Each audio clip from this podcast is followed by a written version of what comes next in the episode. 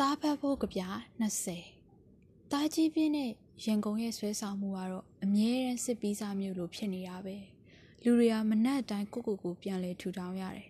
နေရာတကာဗီနိုင်းပေါ်ရေးထားတဲ့ဆိုင်းဘုတ်တွေဘာရတာမှမရှိတဲ့လက်ဖက်ရည်တွေမုတ်တွေအားလုံးအရာကြီးပဲအလွယ်လုတ်ထားတာကြီးပဲ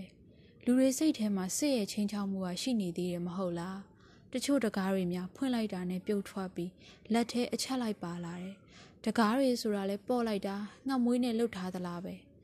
တားကိုအပြင်သွားတိုင်းကားပေါ်ကနေအပြင်ကိုကြည့်ဖို့ဖေဖေအမြဲပြောတယ်ရန်ကုန်မှာဖေဖေအကြိုက်ဆုံးကရွှေတကုံလည်းမဟုတ် shopping center တွေလည်းမဟုတ်ဘူးမီးပွိုင်မှာရောင်းတဲ့ပြန်ကျဈေးတဲ့ရဲ့လက်ထဲကရိုးရိုးကစားစရာလေးပဲ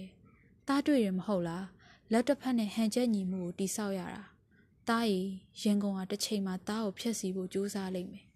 ရန်ကုန်ဟာတားကိုဘာမှစောက်သုံးမကြတဲ့လူရင်ကြီးတယောက်ဖြစ်အောင်အစွမ်းကုန်လုပ်လိမ့်မယ်။တားကိုငွေတွေစီးစိမ်တွေနဲ့အတူဝိညာဉ်အသေးတွေနဲ့ချုပ်ထားတဲ့တားမွေးကုတ်ကြီးလေးပေးလိမ့်မယ်။တားရီရိုးရိုးအမြဲစောပါ။တားမှရှိနေစေအယောင်းစိတ်ကိုဆက်လက်မွေးမြူပါ။တားနှကန်းပေါ်မှာဝင်းပလွေနိုးတဆက်ပေနေတော့မှာပဲ။ငါတားကိုမောက်ကလေးလို့နာမည်မပေးမိတာလေဖေဖေခုထိနောင်တရနေတော့မယ်။အောင်ခင်မြင့်